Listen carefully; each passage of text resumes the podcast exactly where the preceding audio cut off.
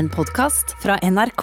Julie Walsø er tekstforfatter og influenser og lever av å lage innhold for sine følgere på sosiale medier. Det siste året har hun reist rundt i Europa sammen med sine to små barn og ektemannen i en selvbygd bobil. Noe som førte til at hun i fjor ble kåret til årets reiseinfluenser i Norge, og også til boka 'Det ordner seg sju steg til å overleve småbarnslivet'. Dette er Drivkraft med Vegard Larsen i NRK P2. Julie Valse. Hei. velkommen til Drivkraft. Takk for en intro. Ja, hva, hva, hva, alt er sant?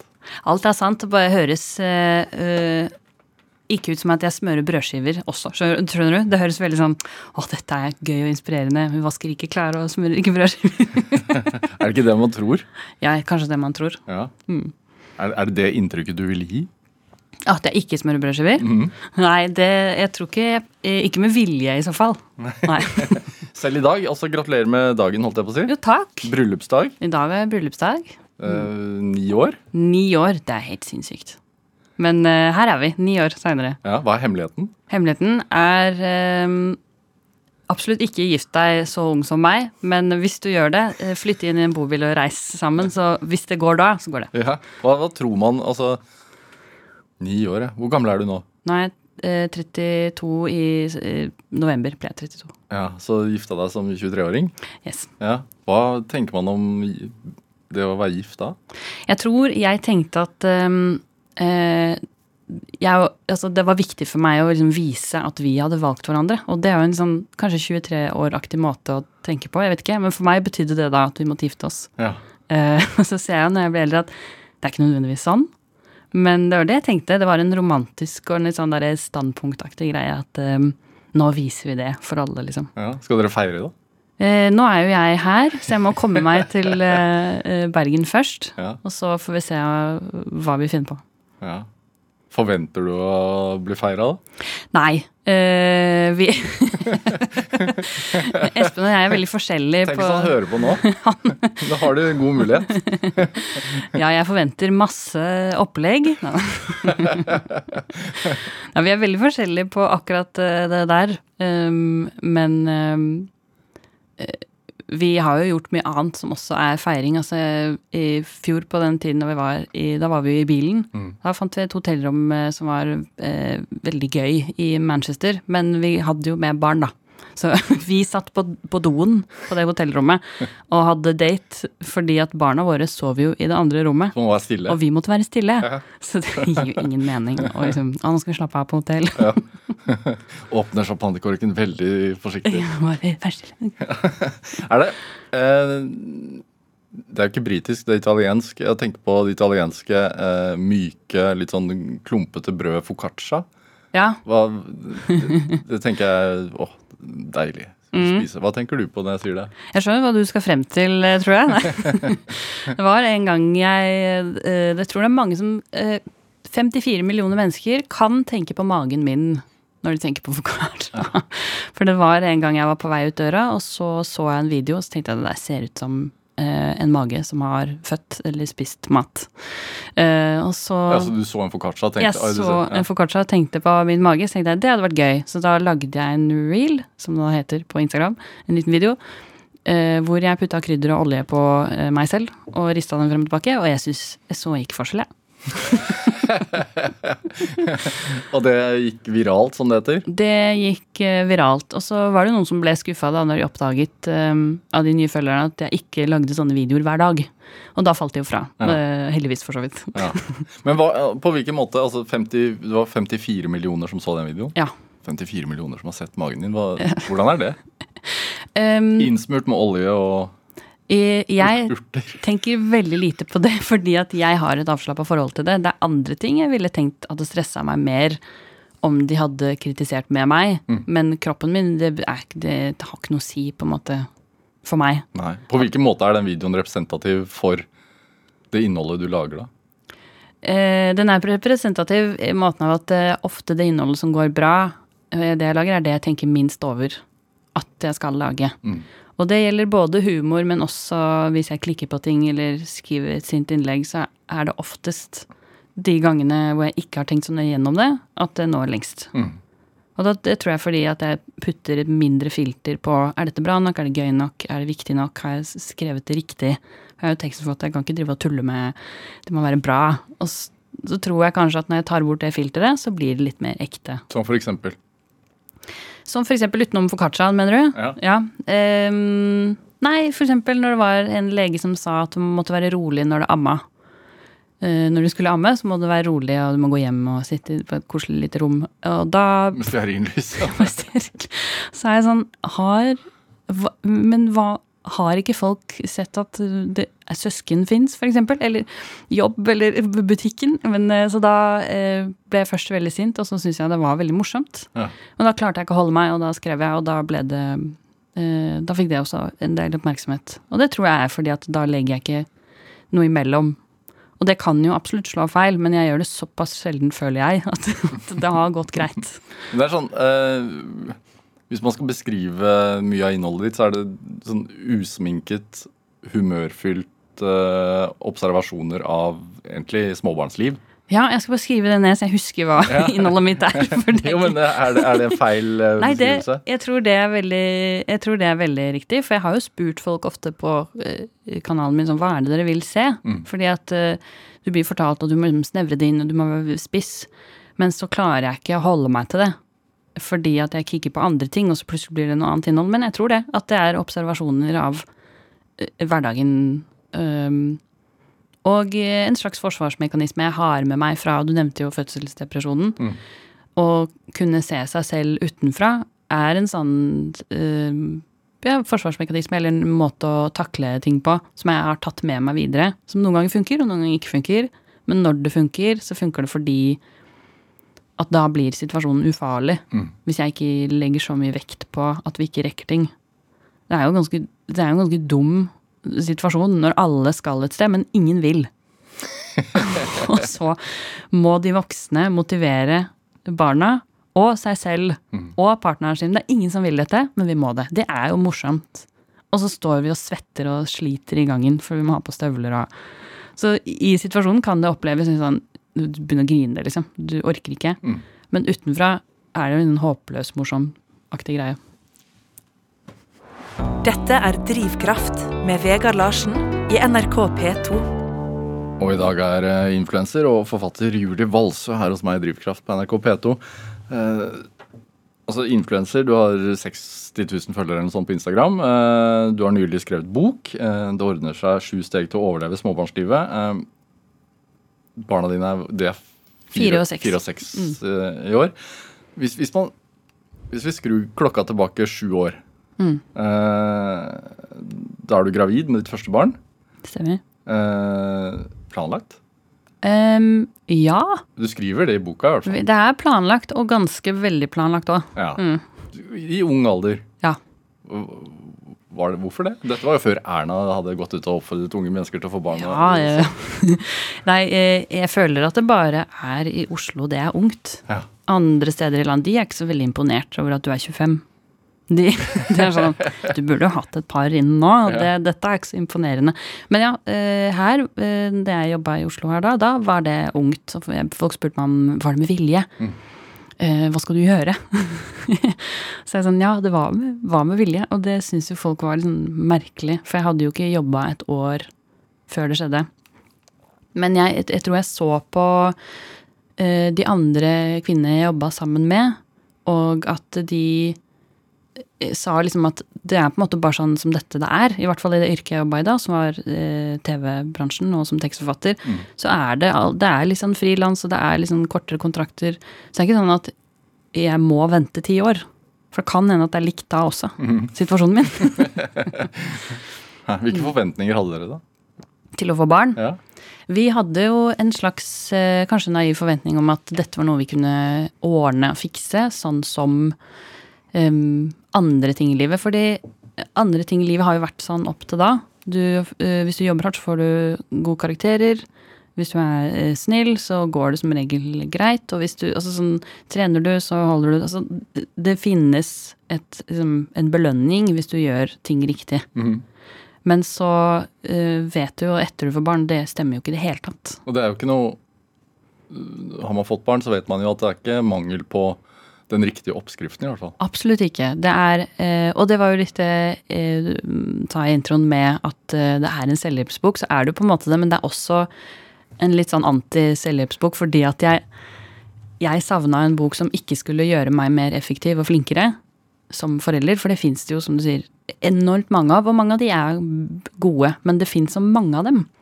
Og uansett hvor mange jeg leste, så ble jeg ikke noe gladere eller flinkere Nei. av dem. Hva slags tips står det før man får barn? Altså Som man tar til seg? Um, jeg tror mange av de tingene går ut på hvordan du skal på en måte, i hvert fall rett etter du har fått barnet, hvordan barnet skal, du skal få det til å sove. Um, og før er det jo hvordan du ikke skal få strekkmerker, f.eks. det er helt sånn sprøtt. Hvordan Hvordan får man ikke det?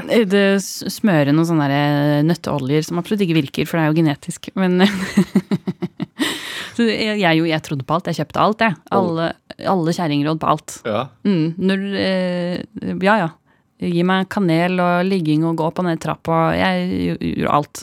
Ja, for å sette i gang. For å sette i gang fødselen, eksempel. Så jeg var veldig sånn eh, Leste mange av de bøkene som var sånn Sånn er den første tiden, og dette burde du gjøre for å ikke få et barn som ikke vil sove. Og så fikk vi selvfølgelig et barn som ikke ville sove, og som bare sov på oss. Og da hadde jo Kvinneguiden og Gud og Gro Nylander Da hadde vi gjort det feil.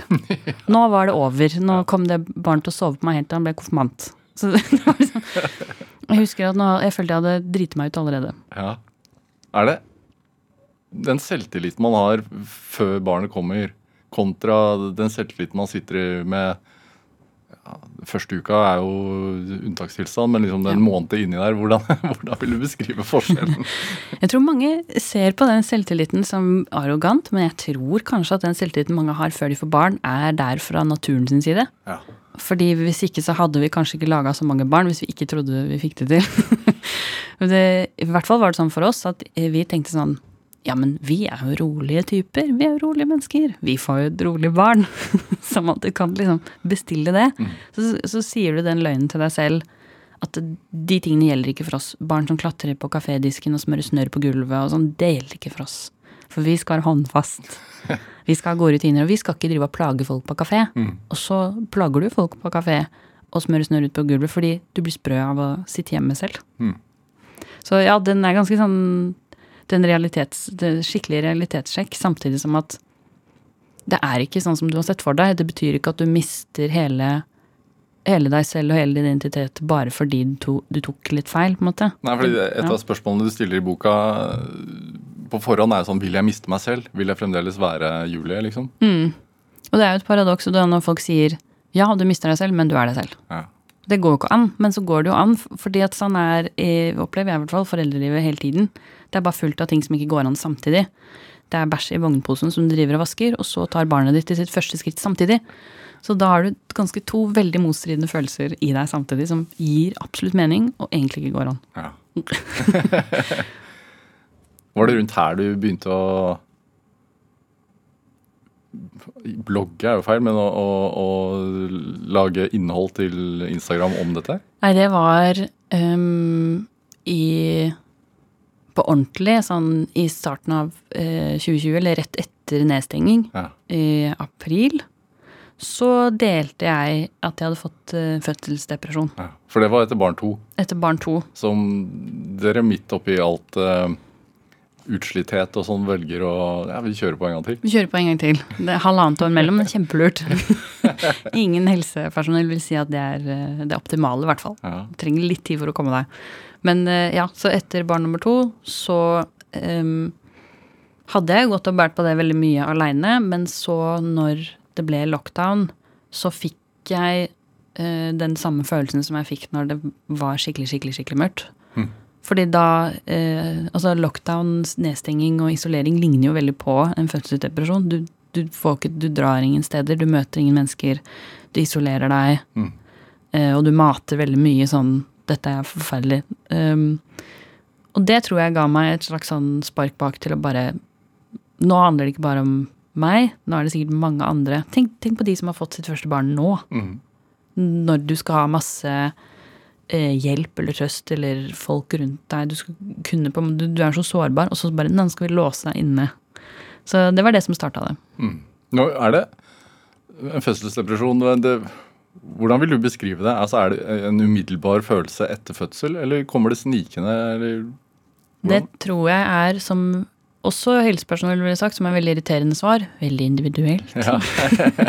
og veldig forskjellig kan det Ja. uttale seg. Men for meg var det veldig gradvis. Eh, som den frosken som ikke vet at den blir kokt. Jeg skjønte ikke at sånn jeg tenkte, var eh, ikke bra. Hva, hvordan tenkte du? Nei, jeg tenkte jo at øhm, Jeg skjønte ikke at jeg tenkte veldig negativt og veldig sånn selvdestruktivt. Jeg trodde bare at jeg var en dårlig mor, og at jeg ikke hadde skjønt det. Jeg trodde hele tiden at jeg måtte fikse et eller annet for å føle på den gleden, og for å få til å være mor. Jeg følte ikke at de vanlige tingene i hermetegn som andre gjorde, som å, å forberede barnemat og legge ungen og handle middag og gjøre alle de tingene som var vanlige. Jeg skjønte ikke hvordan de fikk det til. Så da istedenfor å tenke at jeg har det kanskje ikke bra, så tenkte jeg det er meg det er noe galt med, og så bare fortsatte jeg. Fordi symptomene på fødselsdepresjon og symptomene på å få barn er veldig like. Man blir sliten. Du blir sliten, du er tåkete eh, når du tenker, du er veldig følsom. Mm. Um, ja, og det ligner veldig, så alle er jo sliten. Ja, ok, alle er sliten. Da er dette sikkert normalt. Mm. Mm. Når forsto du at det ikke var normalt, da? Eller det er jo, fødselsdepresjon er jo også normalt på et vis, men, men, Ja. men at, det, at det var noe mer. Jeg begynte på en måte å skjule for Espen, mannen min, at eh, jeg ikke fikk til ting. Og så, det er det første avsnittet i boka er at jeg på en måte blir ferska Mm. i min egen fødselsdepresjon, hvor han kommer inn på kjøkkenet, og jeg har ikke lagt meg, og det er midt på natta, sånn rundt halv tre.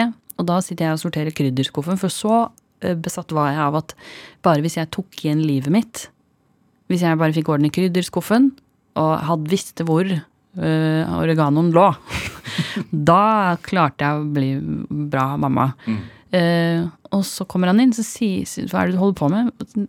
Hvorfor sorterer du krydderskuffen midt på natta? Så jeg, vi har ikke noe oregano, kan du kjøpe det? Og så sier han at butikken er stengt, det er midt på natta. Og da tror ikke jeg jeg skjønte det, men jeg føler, det føltes mer som at han hadde avslørt meg, og at jeg måtte til rektor. Jeg følte, at, jeg følte at jeg hadde vært så god til å skjule hvor grusomt jeg hadde det. Eh, Så hadde jeg ikke klart det. Og da ringte han egentlig etter hjelp for meg. Hva er hjelp? Hjelp er, kan være så mangt. For noen så er det helsestasjonen og, og helsesykepleier eller en psykolog der. For meg så var ironisk nok eh, psyk psykologen på helsestasjonen sykemeldt. Fordi hun hadde for mange øh, å strekke over. Så det er jo et stort problem. Um, og helsesykepleieren opplevde jeg ikke hadde kompetanse. Kompetanse hadde hun nok, men ikke tid, egentlig, da. Mm. Til å ta hjem, for det var babyen som var hennes pasient, ikke meg. Mm. Havna mellom alle stolene, så hjelpen ble til slutt eh, Espen som måtte ringe og finne en psykolog som hadde plass til oss, da. Mm. Og det er jo det jeg oftest sier til folk som hvordan kan vi hjelpe andre? Det er å være den personen som For det er ikke alltid de som er syke, klarer å se det selv, og det er ikke alltid de kommer til å ta kontakt for å få hjelp selv. Hvorfor ser man det ikke selv? For, jeg, for meg fordi det gikk så gradvis, og fordi at jeg tenker at jeg kan skjerpe meg. Selv om jeg har mye medlidenhet og eh, omsorg for andre, så gjelder det andre. Det gjelder ikke meg. Og det tror jeg veldig mange tenker.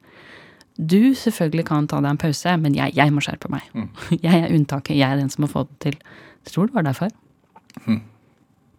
Det at du sier at du ringte helsestasjonen, og så hadde ikke psykologen tid fordi at det var såpass mange, mange andre også som, som trengte eh, å, å, å prate om dette. Hvorfor, hvorfor er, tror du at det er et problem? Et såpass stort problem? Ja, det er eh, ja, stort spørsmål. Men det begynner allerede under oppfølgingen når vi, når vi er gravid. Ja. Det skriver jeg også om at mens jeg var gravid, så ble jeg tatt hånd om veldig, veldig, veldig bra.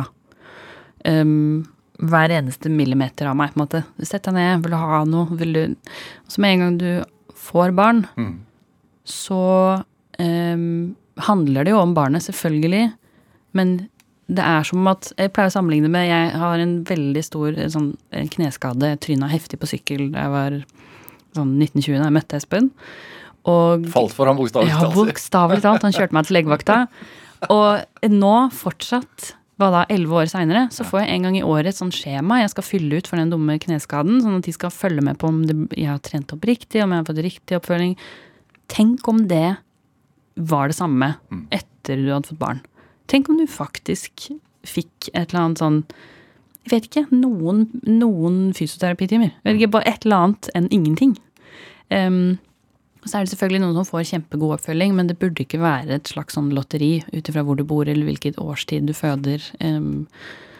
Så det er ett aspekt av det. Og andre aspektet er hvordan vi ser på det å få barn. Vi, vi, vi tenker at det er bare å kaste seg tilbake i arbeidslivet, og så skal du helst ikke snakke så mye om den ungen, og du skal helst ikke gå så tidlig. Og du skal helst på en måte bare fortsette som før, men det du har fått, det er bare mer ansvar. Du har ikke fått noe mer tid. Du hadde jo dårlig tid før du fikk barn òg. Så det er mange komponenter som lager en slags sånn perfekt storm, hvor du da, hvis du var som meg, sårbar, eh, kan ende opp med å på en måte internalisere det veldig og, og tenke at det er din feil. Og det er jo det jeg snakker om i den boka, fordi at jeg savna noen som, som viste um, meg selv, da, som, som, som jeg kunne oppleve det gjennom. Fordi ofte så tror vi at andre får det til, fordi vi bare er et bitte lite vindu inn i livet deres. Men så har vi jo uh, full panoramascreen på vårt eget liv, og alle tingene vi ikke får til. Så jeg tenkte at kanskje hvis noen kan få full panorama overalt jeg ikke fikk til, så kunne de skjønne hvorfor det er dust å tenke sånn. At du må få det til. Men du, du visste jo hva du gikk til, for du hadde jo et barn fra før. Ja, men jeg hadde jo bare hatt barn i halvannet år, da. så jeg hadde jo baby. Ja. Men ja, jeg følte ikke at jeg visste hva jeg gikk til. Og så er det jo den der klisjeen med at du glemmer det. Det er sant. Jeg hadde med meg stram bukse på, på sykehuset med nummer to, og jeg fødte jo der for to minutter siden. Så trodde jeg fortsatt at jeg skulle få på meg den. Ja. Er det ikke rart sånn at hvis man skal ta sertifikat, f.eks., så må man ta glattkjøring og grunnkurs, men får man unge, så kan man fikse på egen hånd. Og når den kommer, så blir man sendt hjem, og så Så hjem. lykke til. Lykke til, ja. Den er grei. ja. Men jeg syns egentlig det er litt fint. eh, Selvfølgelig er det bra med oppfølging, men det var en av jordmødrene som sa at du kjenner ikke dette mennesket. Det kommer til å ta litt tid å bli kjent med hva de trenger, Mm. og når de trenger det. Og det går bra. Så du kommer til å skjønne den gråtingen etter hvert. Men du kjenner jo ikke den personen. Og det var egentlig veldig godt å høre at liksom Ja, dette mennesket har jeg aldri møtt før. De kom nettopp ut av meg. og nå må jeg drive og gjette. Er dette sulten? Er dette vondt? Er dette Ja. Hvor Gikk det kjapt over? Hva da? Depresjonen? Nei. Um, jeg var Eller det spørs jo. Men jeg var i ganske intensiv terapi i et år. Flere ganger i uka, og så en gang i uka, og så da- dabba da. Hva er rådene man får? Du får veldig lite råd. Du får veldig sånn Hva tenker du om det? Eh, Men det var mer at um, hun jeg gikk til, var god på å arrestere mine tankerekker. Som, mine mønstre som ikke jeg skjønte selv. Det var som hun spilte liksom yatzy med, med tankene mine, og så pekte hun sånn Hvorfor tenker du sånn? Um, Som kunne være. ja. Uh, som kunne være at jeg skyldte mye på meg selv, da, og at jeg ikke hadde omsorg for meg selv. Og så så hun dissonansen når jeg snakka om andre, og når jeg snakka om meg selv. Um, og påpekte på en måte feil i logiske brister i tankene mine, sånn som at eh, jeg ikke ville leve, men jeg gleda meg til foreldremøtet neste mandag. De to tingene det går jo ikke. Du kan ikke gjøre begge de tingene. så det var en sånn sakte sånn Det føles ut som at du eh, sier en vits som ikke lander. At du på en måte i ditt hode er dette kjempegøy, og så sier du det høyt, så ser alle på deg og bare er sånn Hva mener du? Mm. Sånn føltes det å være hos henne. Ingenting var selvsagt. Og alt kunne sette spørsmål ved, og det trengte jeg fordi jeg var så inne i mine egne mønster Mm. i hodet. Mm. Dere har- har jo ni års bryllupsdag i dag. Hvordan er det å være partner oppi dette? Det tror jeg er skikkelig, skikkelig dritt. det må jeg bare si. Um, men jeg tror også du må tørre å være den som arresterer litt sånn Dette her, du, du kan ikke drive og sortere krydderskuffer, og nå må vi ringe. Altså sånn Å være den som tør å se det. Eh, men jeg tror det er ganske voldsomt òg, å være partner til noen som Når du ser at ikke de vil seg selv vel. Det er ikke noe gøy. Den øh, usikkerheten, altså Fordi nå er du Du er frisk nå i forhold til fødselsdepresjonen? Ja, og så er det en eh, viktig tilleggsinfo med det, er jo at eh, frisk og frisk er jo at det er aldri en skam å på en måte gå tilbake til psykologen og trenge mer hjelp. Nei. Fordi at eh, du er jo sårbar hvis du på en måte har hatt en depresjon. Så liker jo hjernen din sånne mønstre og kjenner dem igjen. Og så hvis det er noe som skjer, noe som trigger, så Men nå har jeg bedre verktøy enn det jeg hadde da. Da hadde jeg ingen. Hva er, hva er de verktøyene? Nei, det er jo eksempel det å arrestere seg selv i de tankerekkene at Og så er det å, i mitt tilfelle, ha veldig kjedelige rutiner. Fordi da må jeg ting, men det er litt press utenfra. Sånn, det, det er før du blir skikkelig syk, da. Da klarer du på en måte ikke det. Nei. Men ja, det er å, å Og det å navngi høres jo så selvsagt ut når du sier det sånn. når du er frisk. Men det er ikke så lett når du er syk å navngi hva du faktisk føler. Ikke bare det du angster over akkurat da. Det som er Som kan være helt sånn Jeg kan ikke gå på butikken fordi jeg kommer til å falle i trappa. Ja. Så da må du Ok, hvorfor tenker du det? Og så må du bak, bak, bak, bak. Og så er det sånn Hvis du klarer det, så klarer du kanskje å roe deg ned selv. Mm. Det, øh, en del øh, og Når man leser om fødselsdepresjon, så handler det også om at man ikke klarer å Uh, Altså Man vil ikke knytte seg nok til barnet, eller at det er en sånn tilknytningsproblematikk. Mm. Var det tilfellet hos deg? På natta var det det. Jeg klarte ikke å tåle mm, barnet mitt på natta. Og det var veldig, veldig vondt, men det var nok fordi jeg ikke tålte meg selv. Mm.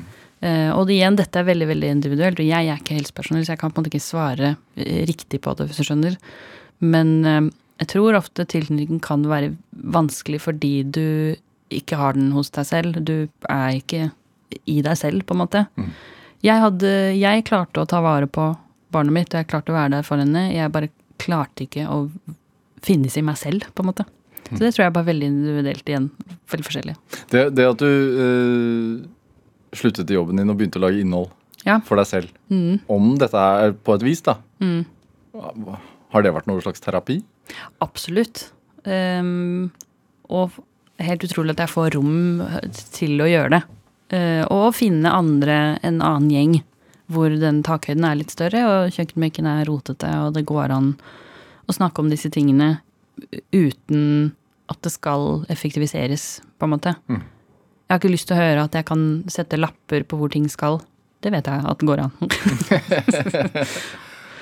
Hvor bekymret er du? Du har skolebarn i år mm, for første gang. I morgen. I morgen. I morgen er første skoledag. Oi. Det, jeg er jo mer bekymra enn skolebarnet mitt her. Så det går nok kjempebra. Hva er du redd for? Så jeg må bare skjule det veldig godt. Jeg vet ikke. Jeg er redd for alt. Redd for at, eh, at jeg ikke skal få venner. Redd for at eh, læreren ikke skal være god. Redd for at uh, ungen min ikke skal tørre å si ifra. Redd for alt. Så, men så lenge jeg bare det, Ungen min er jo ikke redd for det. Så, så lenge jeg ikke påfører det på ungen, så satser jeg på at det går bra. Og så får jeg bare rante til noen andre. Julie Walser, vi skal spille litt musikk. Eh, Ja. Du har med en låt som heter eh, De fordømdes ø. Mm. Eh, det, hører du til der, eller hva er, det, hva er grunnen? Grunnen til det er at etter vi hadde brukt et helt år på å bygge bobil og slitt hver eneste dag og natt, så var det verdens største frihetsfølelse å kjøre inn i Sverige. Og hvert land vi kjørte til, hørte vi på en låt fra det landet. Så det var en sånn enorm mektig sånn frihetsfølelse å kjøre inn og se bare det svenske landskapet, og det lukta vår, og det var liksom på god stemning. Jeg så sånn, folk bada, det var åh, Vi skulle på harryshopping og fylle opp kjøleskapet. Ja, Så dette er liksom over Svinesundbrua? Ja. ja. Vi må høre mer om den bobilturen etter låten.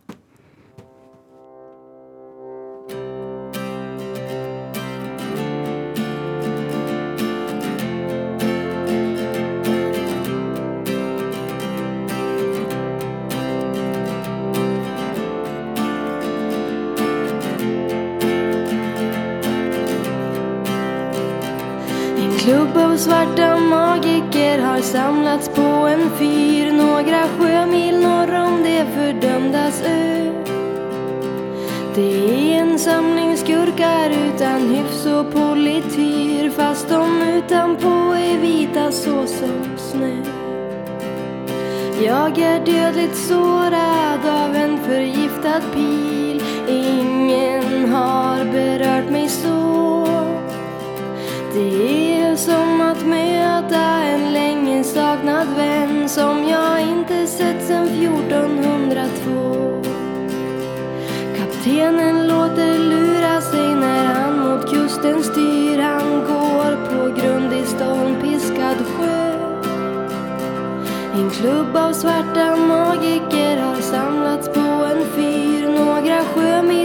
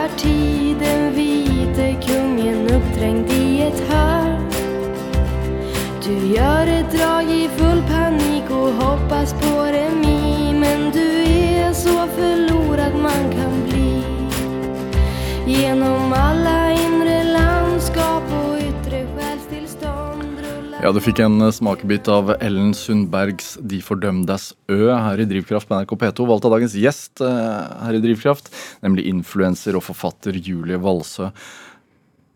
Se for deg Nord Nordby eh, Idylliske Nordby kjøpesenter. Er det altså det å um, Når man har da to barn på Hvor gamle var de når dere bestemte dere for dette her? Å å gjøre om en varebil? Da var de to, fire og tre og fem når vi reiste. Ja. Hva, eh, hva, hva er grunnen til at denne drømmen uh, blir unnfanget? Åh, ja, den stakkars bilen, den hadde mye håp knytta til seg. Den, eh, så det var Grunnen til at vi gjorde det, var mange, men en av de var fødselsdepresjonen. At jeg hadde satt med en sånn veldig vond og dårlig samvittighet for at jeg ikke huska noe fra det andre barnet mitt sitt første år. Mm. Og det føltes urettferdig når jeg hadde et barn til, for jeg huska så mange detaljer. Um, så det å få det der smutthullet i hverdagen, sånn jukselapp på en måte, til å stikke av og lage nye minner, det føltes ut som en sånn Åh, det hadde hjulpet masse. Ja. Og så er det jo kjempe et, et privilegium å kunne gjøre det. Uh, selv om det tok et år å spare. Men så det var en av grunnene. Det andre var sånn vi visste ikke helt hva vi ville nå. Eh, skal, skal vi bo her? Skal vi ikke bo her? Hvor mange ting trenger vi egentlig i livet vårt? Hva, altså vi hadde mange sånne store spørsmål som jeg følte at vi ikke hadde hatt tid til å tenke på i hverdagen. fordi da er det bare Du skal gjøre alle tingene, og du rekker ikke å tenke ferdig en tankerekke. Mm. Eh, Så det var sånn det starta, at eh, vi hadde lyst til å reise. Vi hadde lyst til å reise sakte, vi hadde lyst til å gjøre det med barna. Og vi hadde lyst til å få tid til å tenke over hva slags liv vi hadde lyst til å ha. Så da begynte vi, i 2020 var det jo litt lettere, for da var det ingen som gjorde noe gøy. Så da hadde vi mulighet til å spare litt. Mm. Og vi fikk mulighet til å flytte ut av byen og bo billigere, hvor det var plass til en liksom gårdsplass hvor vi kunne bygge bilen. Ja. Er det smart å bygge om en bil? Nei, det tror jeg ikke er smart. Men det er mer økonomisk. Ja. Men det var, en sånn Det er en sånn hvit transporter, eller hva det heter? Altså, En Volkswagen Volks- Crafter ja. som har kjørt rundt industritepper i Bergen før den ble vår. Syv og en halv meter lang. ja. Så har du plass til da køyesenger til barna foran, og en sånn brette-ned-seng, en Murphy-bed, til oss bak, som vi la oppå en sofa. Som du ror selv? Ja, Espen bygget alt. Jeg eh, sa hvordan jeg ville ha det, og så sjekka han går det matematisk opp som du vil ha det. Ja. Så brukte vi et år da. Begge hadde, Jeg var student, og han var i full jobb, og barna var i barnehagen. Og, så hver dag, hver kveld og hver morgen så var vi i den bilen. Ja. Hva hadde dere noe reiserute? Nei, vi hadde første stopp. Eh, 11. juni så hadde vi en eh, fergebillett til Færøyene. Så det var eh, eksamen. Det var presset vårt for å komme oss av gårde. Ja. Um, så 11. juni gjorde vi det. Og jeg lå rett ut i 30 timer fordi det var så mye bølger. Så lå jeg bare Jeg er snart der. og der var vi hos en kompis av oss og kjørte rundt, og jeg følte jeg hadde liksom hacka livet. Ja. Hvorfor det? Fordi at det som er stress med å ha barn, er at barn må ting. For de, vil ikke ting. Så når du eh, tar bort det elementet, så er de ganske medgjørlige. når, du bare kan, Når man bare er? når du bare kan være. Ja. Og det er jo en helt sinnssyk tilstand å få lov til å, å være i.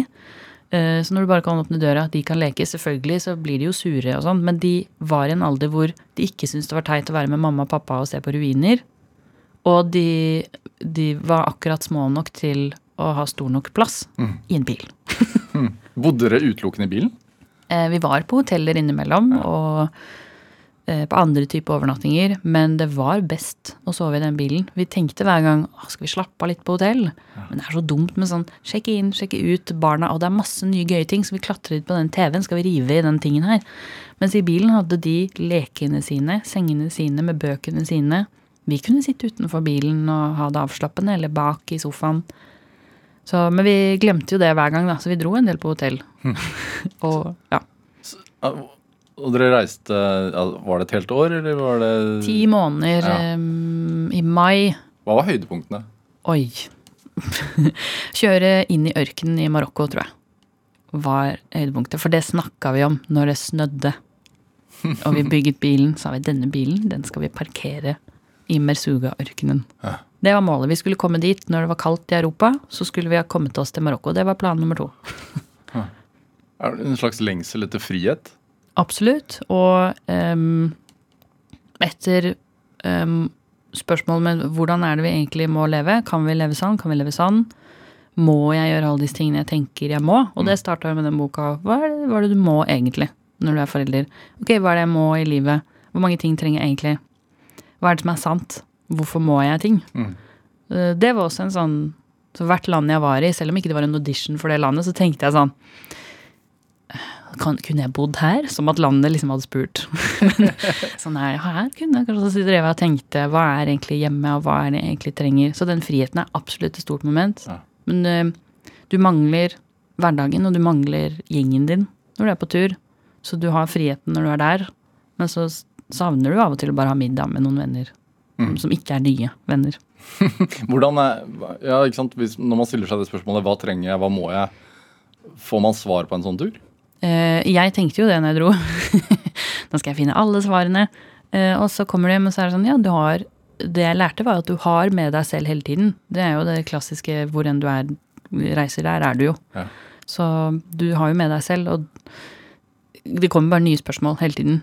Så det er ikke sikkert du får svar på alt, men noe, kanskje. Ja. Veldig vanskelig å svare på, ja. Men det, altså, jeg tenker sånn, hvis man er på telttur, eh, så eh, kan det være fryktelig slitsomt. Og du blir våt og skitten, og du spiser noe tørka mat som du heller vann i. eh, Men når du kommer hjem, så er du likevel kjempefornøyd. ja. Er det litt sammenlignbart? Jeg hadde ikke den følelsen, må jeg si, ikke den følelsen når jeg kom hjem. Jeg hadde det veldig komfortabelt i den bilen, og det er fordi du er jo ikke i bilen, du er jo mest ute og opplever. Ja. Og så er det, det skilpadden, det er huset ditt. Så jeg hadde den følelsen når vi kom inn i bilen igjen. Ah, deilig. Er det Hvor bra er det for barna, tror du? Det tror jeg spørs veldig på barna og hvilken alder de er. For våre barn var det veldig bra. De var rett før skolealder, hadde mange spørsmål om verden, men også veldig mye nysgjerrighet. Kunne leke med barn selv om ikke de snakka samme språk. Så eh, fireåringen min har jo mye større forståelse for kulturer og andre land enn det jeg hadde da jeg var ti, liksom. Hun spurte jo, spør meg sånn hvilket eh, Hennes favorittdessert er makroner. Så det er sånn, Hvor er makroner fra? Frankrike? Frankrike er mitt favorittland. Det er jo hele tiden, og Hvordan sier de her? Hvordan sier de ha der? Ja. Så det var veldig sånn fint og spesielt å se dem oppleve verden. Ja. Men mens dere gjør dette, her, så jobber du jo òg. Du lager jo innhold på, på sosiale medier. Og skriver, ja. Og skriver mm. bok. Illustrerer og ja, alt. Ja, så, så du gir deg jo ikke helt slack. Nei, det, penger er jo en del av eh, livet, jeg på. Så jeg hadde jo en jobb hvor jeg kunne bare trengte internett. Mm. Så da jobba jeg vel veldig umulig å estimere, men jeg tipper sånn fire dager i uka. Eh, Men litt på hele tiden. Mm. Hvor kommer det ønsket fra? Altså sånn det å Du utleverer deg selv i boka, og du gjør også det på internett. Hva, hva, hva skyldes det, tror du? Ja, hva skyldes det? Jeg har jo vokst opp i en eh, familie hvor det å være åpen er veldig vanlig, på en måte. Men- På hvilken måte? Mm. Jeg vet ikke på hvilken måte. Vi har alltid hatt veldig mye forskjellige typer folk hjemme, og familien min er veldig mangfoldig i form av at vi har alle veldig forskjellige meninger, tro og liv. Mm. Som vil si at du får en litt sånn Du ser at alle disse menneskene som er kjempeforskjellige fra deg, er jo hele mennesker. det er ikke så farlig da å være åpen, for du vet at du blir tatt imot. Mm. Eh, Det vet du jo ikke med fremmede, men det er masse jeg ikke deler også, som, som jeg ikke på en måte har gått igjennom ferdig. Mm. Du har aldri bilde av barna dine, f.eks. Sånn Nei. ansiktet deres. Nei, for det er jo De har jo ikke blitt Jeg som eksponerer meg, eh, de har, er jo ikke med på det, på en måte. Nei. Det må jo de finne ut av selv. Um, men ja, kanskje for et slags fellesskap, da, at jeg gjør det. Men også for å Jeg tror det er hyggeligere hvis man gjør det. bedre samfunn og bedre Man ser andre som hele mennesker hvis man ser at det er flere som har de samme utfordringene, Mm. tror jeg. Hvor vokste du opp? Eh, to forskjellige steder. Eh, Ytre Arna, der jeg bor nå. Ja. Her er barndomshuset mitt frem til jeg var ti. Og så i eh, Hamar, men hvis du er fra Hamar, så er det Ottestad. Ja. Mm. Hvorfor flytting? Mamma og pappa ble med i en uh, kristen organisasjon, og da flytta vi dit på grunn av det. Ja. Uh, veldig veldig forskjellig miljø fra det jeg vokste opp i. Så det var uh, kanskje også den kulturkrasjen som gjorde at jeg bare, det er så mange typer mennesker at det er helt sinnssykt. Ja. Tror jeg. Ja. Og jeg tror ikke det samme som de lenger, men likevel kan vi ha dype og fine relasjoner. Mm. Mm. Er det altså Det å vokse opp i en kristen organisasjon, hvordan, hvordan er det som barn? Hvordan opplever man det? Um, av og til litt sånn grenseløst, og av og til veldig, veldig fint fordi det er et stort fellesskap. Men mm, folk på en måte inn og ut. Og en sånn Du eksisterer i en boble der, Også når du går på en vanlig skole, så eh, er det ingen som vet om den bobla. Og det er rart. Da bare fins den der borte. Og det de holder på med, er merkelig for alle de andre. Og det stemmer jo for så vidt. Eh, Så jeg ble god på å på en måte være forskjellige steder. Og, og, og det er sikkert der det begynte med å liksom spørre om ok, hva er det som egentlig stemmer da? Mm. De sier dette, og de sier dette, og begge, del, begge tror at de har rett. Sånn sannhetssøkende som barn allerede? Ja. Um, hvorfor det, hvorfor det? Irriterer. Ja, veldig sånn. Hvorfor det? Hva drømte du om, da? Å bli, eller hva? Ja. Um, jeg hadde alltid lyst til å skrive, og så har jeg alltid hatt Hvorfor lyst Ja, hvorfor det? Fordi at det så gøy ut. Det første eh, jeg tvang mamma til å skrive ned en historie om Spice Girls da jeg var fem. Da jeg var fem, så skrev jeg om at Spice Girls Emma ble holdt utenfor. Og så måtte mamma skrive ned historien, og så la hun det sammen. Så spurte jeg hva heter det som vi gjorde nå. Det heter eh, forfatter. Ok, da er det det skal bli. Og så oppdaget jeg at det er mange måter å skrive på. Kortere formater, lengre formater, sosiale medier, tekstforfatter. Så da har jeg på en måte bare vært i det skriveuniverset siden. ja. Mm. Følte du på utenforskap? Ja, jeg var jo rar alle steder. Passa ikke inn noen av dem, selv om jeg også passa inn fordi at jeg var vant til å eksistere i flere miljøer samtidig. Så ehm, var det jo alltid mm, å gå fra ja, veldig forskjellige miljøer hele tiden, og da er du kanskje ikke helt inne i noen av dem. Hvis det gir mening. Mm. Mm. Hvorfor tror du man trenger Eller trenger man det? Å, å føle at man passer inn? Noen Jeg vet ikke. Ja, jeg tror det. Jeg tror alle trenger å føle at de har noe som er hjemme, på en måte. Som er sitt. Um, og så er heller fellen det at hvis ikke det passer for deg lenger, så må du også tørre å gå ut av det som har vært det du passet inn i. Mm. Um, så jeg tror ikke det er noe farlig å liksom leite etter noe man brenner for og passer inn i. Men du må ikke bli der hvis det ikke det resonnerer med deg lenger. Mm. Det med, det med sosiale medier altså Du er utdanna tekstforfatter på Westerdals, er det ikke? Mm. Ja. ja på, her i Oslo. Og så eh, jobbet du med digital, digitalt innhold. Ja. Ja. Hva, hva skal til for å lykkes? Med det Ja. eh, Nei, det Men du må jo ha tenkt en gang at jeg er flink til det, siden du tenkte jeg kjører på for meg selv. Jeg er flink til, tror jeg, å Det er vanskeligere for meg å holde på med ting i det lengre løp. Veldig gøy å holde på med ting akkurat der og da. Akkurat når det brenner litt. Da syns jeg det er veldig gøy. Da koker det, og så kan jeg godt hoppe, hvis jeg er god på å hoppe fra en ting til en annen. Mm, Så jeg tror at eh, hvis du skal lykkes i hvert fall med sånn innholdsmarkedsføring eller tekstforfatter markedsføringsmessig, så er det å kunne liksom hoppe mellom ulike ideer og forstå hva andre vil, og hva, hva ideen deres egentlig er, og så koke den ned, det syns jeg er kjempegøy. For det er som å løse et puslespill, på en måte. Hva er det du egentlig vil? Ok, da er det dette du vil si. Mm. Ikke dette. Mm. Ja. Når skjønte du hva nisjen din var, da? Mm, I sosiale medier. Mm. Når jeg fikk barn, tror jeg. Mm. Jeg tror ikke jeg, jeg hadde ikke tenkt ikke over hva, jeg, hva nisjen min var før det. på en måte. Mm. Det med boka, altså Ja. um, Det ordner seg sju, sju, uh, uh, sju steg til å overleve småbarnslivet. Hva er de sju stegene? Oi. Um, de sju stegene er at du ikke må få det til, hva enn det er. Eh, eh, nummer to, eh, det er ikke farlig å miste deg selv, fordi du finner deg selv, og så lapper du det sammen etter hvert.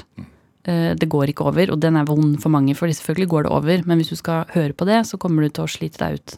Fordi at det går i bølger hele tiden. Det er ikke en sprint, dette, liksom. Mm. Og ehm, det fins alltid gyldig fravær. Du kan alltid Du har alltid pass til å på en måte gjøre det du trenger, selv om du egentlig ikke har det. Det er ikke sånn at du må uh, på sykehus for å få lov til å slappe av. Uh, Eh, og de to siste, den siste tror jeg glipper for meg, men da får du lese boka. Det, det med å parkere bilen Og nå veit jeg jo at dere bor i generasjonsbolig. Mm. Hva, er, hva var den største overgangen? Var det en befrielse å, å eh, henge bilnøkkelen i skapet, eller? Det er heller en befrielse at den er der, for vi har allerede brukt den veldig mye fra vi kom tilbake. Vi var i Sverige på midtsommer, vi kjørte den til Trøndelag og til Sørlandet, så det er befrielse at den fins, Ja. og at du kan liksom stikke av lite grann. Og en befrielse at vi har en landsby nå, det hadde vi jo ikke. Eh, Vi bor i en generasjonsbolig. Det er som det er flere voksne å spille på. Ja. Og det å se barna leke med mine foreldre er også veldig nydelig å se. Mm. Mm. Generasjonsbolig er stadig mer populært. Hvorfor er det det, tror du? Hva, hva, hva får dere ut av det? Tiden strekker jo ikke til, men hvis du bor i en generasjonsbolig, og du kommer overens med de voksne der, Ja. så kan du ta deg en tur på kvelden, f.eks. Det er jo helt sinnssykt. Hva er de beste tipsene? Har dere regler? Vi, har, vi holder fortsatt eh, på å prøve dette her, så vi har gjort det i tre måneder, så vi må lage noen regler snart, tror jeg. Ja, for, for begge parter, holdt jeg på å si? Ja, for, absolutt for begge parter. Uh, men uh, vi får bare se på det som et lite eksperiment. Ja, Det er ikke noe vi må. Hva kan være utfordringen da? Nei, den derre å gå i rollen som du er når du er barn, f.eks. At det er jo mamma og pappa jeg bor hos i huset jeg bodde i da jeg var liten. Ja. At vi må huske at vi har separate liv. ehm, og hvor mye vi blander oss i hverandres greier. Men det er jo noe vi må teste. Sånn som med bilen. Folk var sånn Hva hvis du angrer da? Ja, men det er jo jeg som har valgt det. Da kan vi bare snu. Og ja, hva hvis du angrer på generasjonsboligen? Ja, da angrer vi, da. det går bra. Ja. Mm. Er det, ehm, jeg vet at Da du vokste opp, også, så, så bodde dere nær et asylmottak. Mm. Hvordan har det påvirka deg? Um, det er veldig sånn heldig med tanke på at eh, jeg fikk veldig tidlig se andre sine liv mm. ganske tett på. Hvor var dette i landet? Var det i Ytre Arna, ja. Ja. Mm, En av Norges første asylmottak, tror jeg. Ehm, og jeg fikk uh, se at mamma prøvde å servere folk fra Rwanda uh, raspeballer. og det var grusomt. Det, var, det, det smaker jo ingenting. Så de var hvor er krydderet, og det skjønner jeg veldig godt, for det er jo en potetball. ja. Så mm, mange perspektiver tidlig. Ja.